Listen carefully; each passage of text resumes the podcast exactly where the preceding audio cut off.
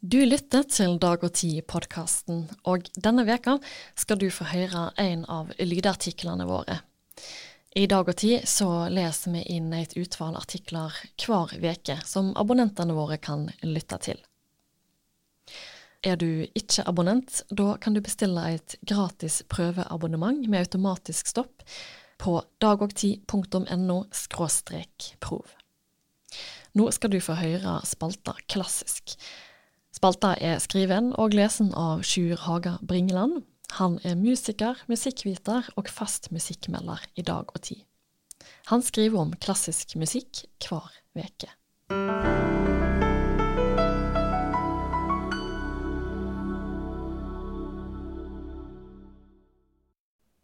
Fugekunst.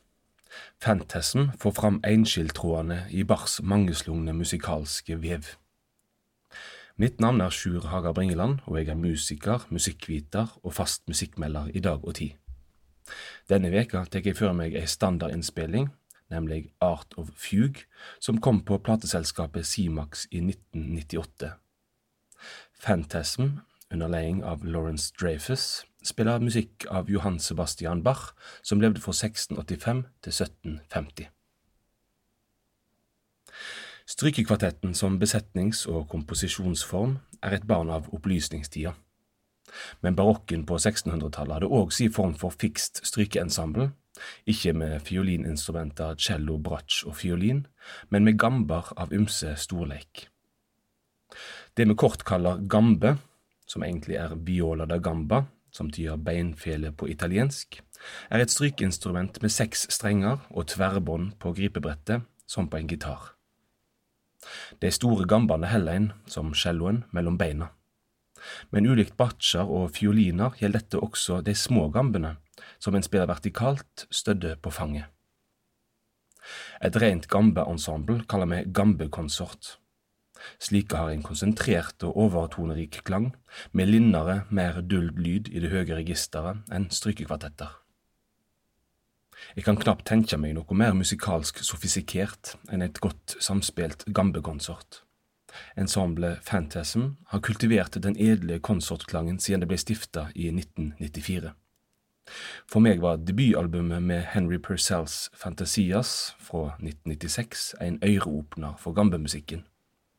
Siden den tid har jeg opplevd det live flere ganger, mellom annet under Festspillene i Bergen, og jeg har fresta å få med meg alle utgivelsene Nye album kom i 2020, 2021 og i år. De siste blir omtala i denne spalta straks melderen har fått det i hende. Den jevnt høye kvaliteten på spillet deres gjennom snart 30 år imponerer. Lederen Lawrence Dreyfus har sytt for at ensemblet stadig utvider repertoaret til også å omfatte musikk som egentlig er mynta på andre instrument. Dreyfus er en kompetent mann. I tillegg til å spille diskantgambe, som er den minste gambestorleiken, er han musikkvitenskapsprofessor i Oxford og en anerkjent Bach-forsker.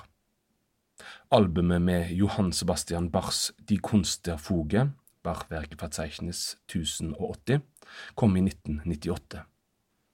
Denne syklusen med 14 fuger og fire kanoner over ett tema i forskjellige utforminger ble prenta året etter Bachs død.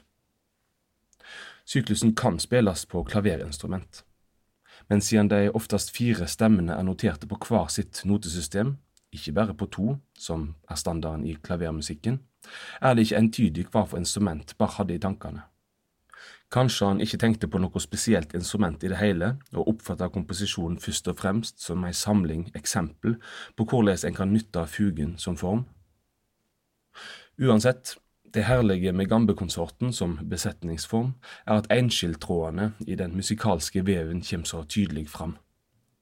Den transparente klangen gjør barsk, kompliserte kontrapunktikk mer skjønnelig enn om vi hører han på cembalo eller orgel. Gjennom differensiert dynamikk og artikulasjon greier fantasm-musikerne å frasere melodiene songleg og å finslipe intonasjonen i de vakre samklangene underveis.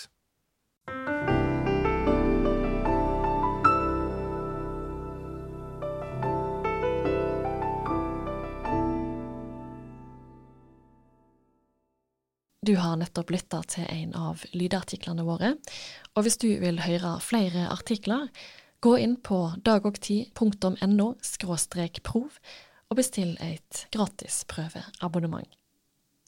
Dag og Tid-podkasten er tilbake igjen neste uke. Takk for at du lytta.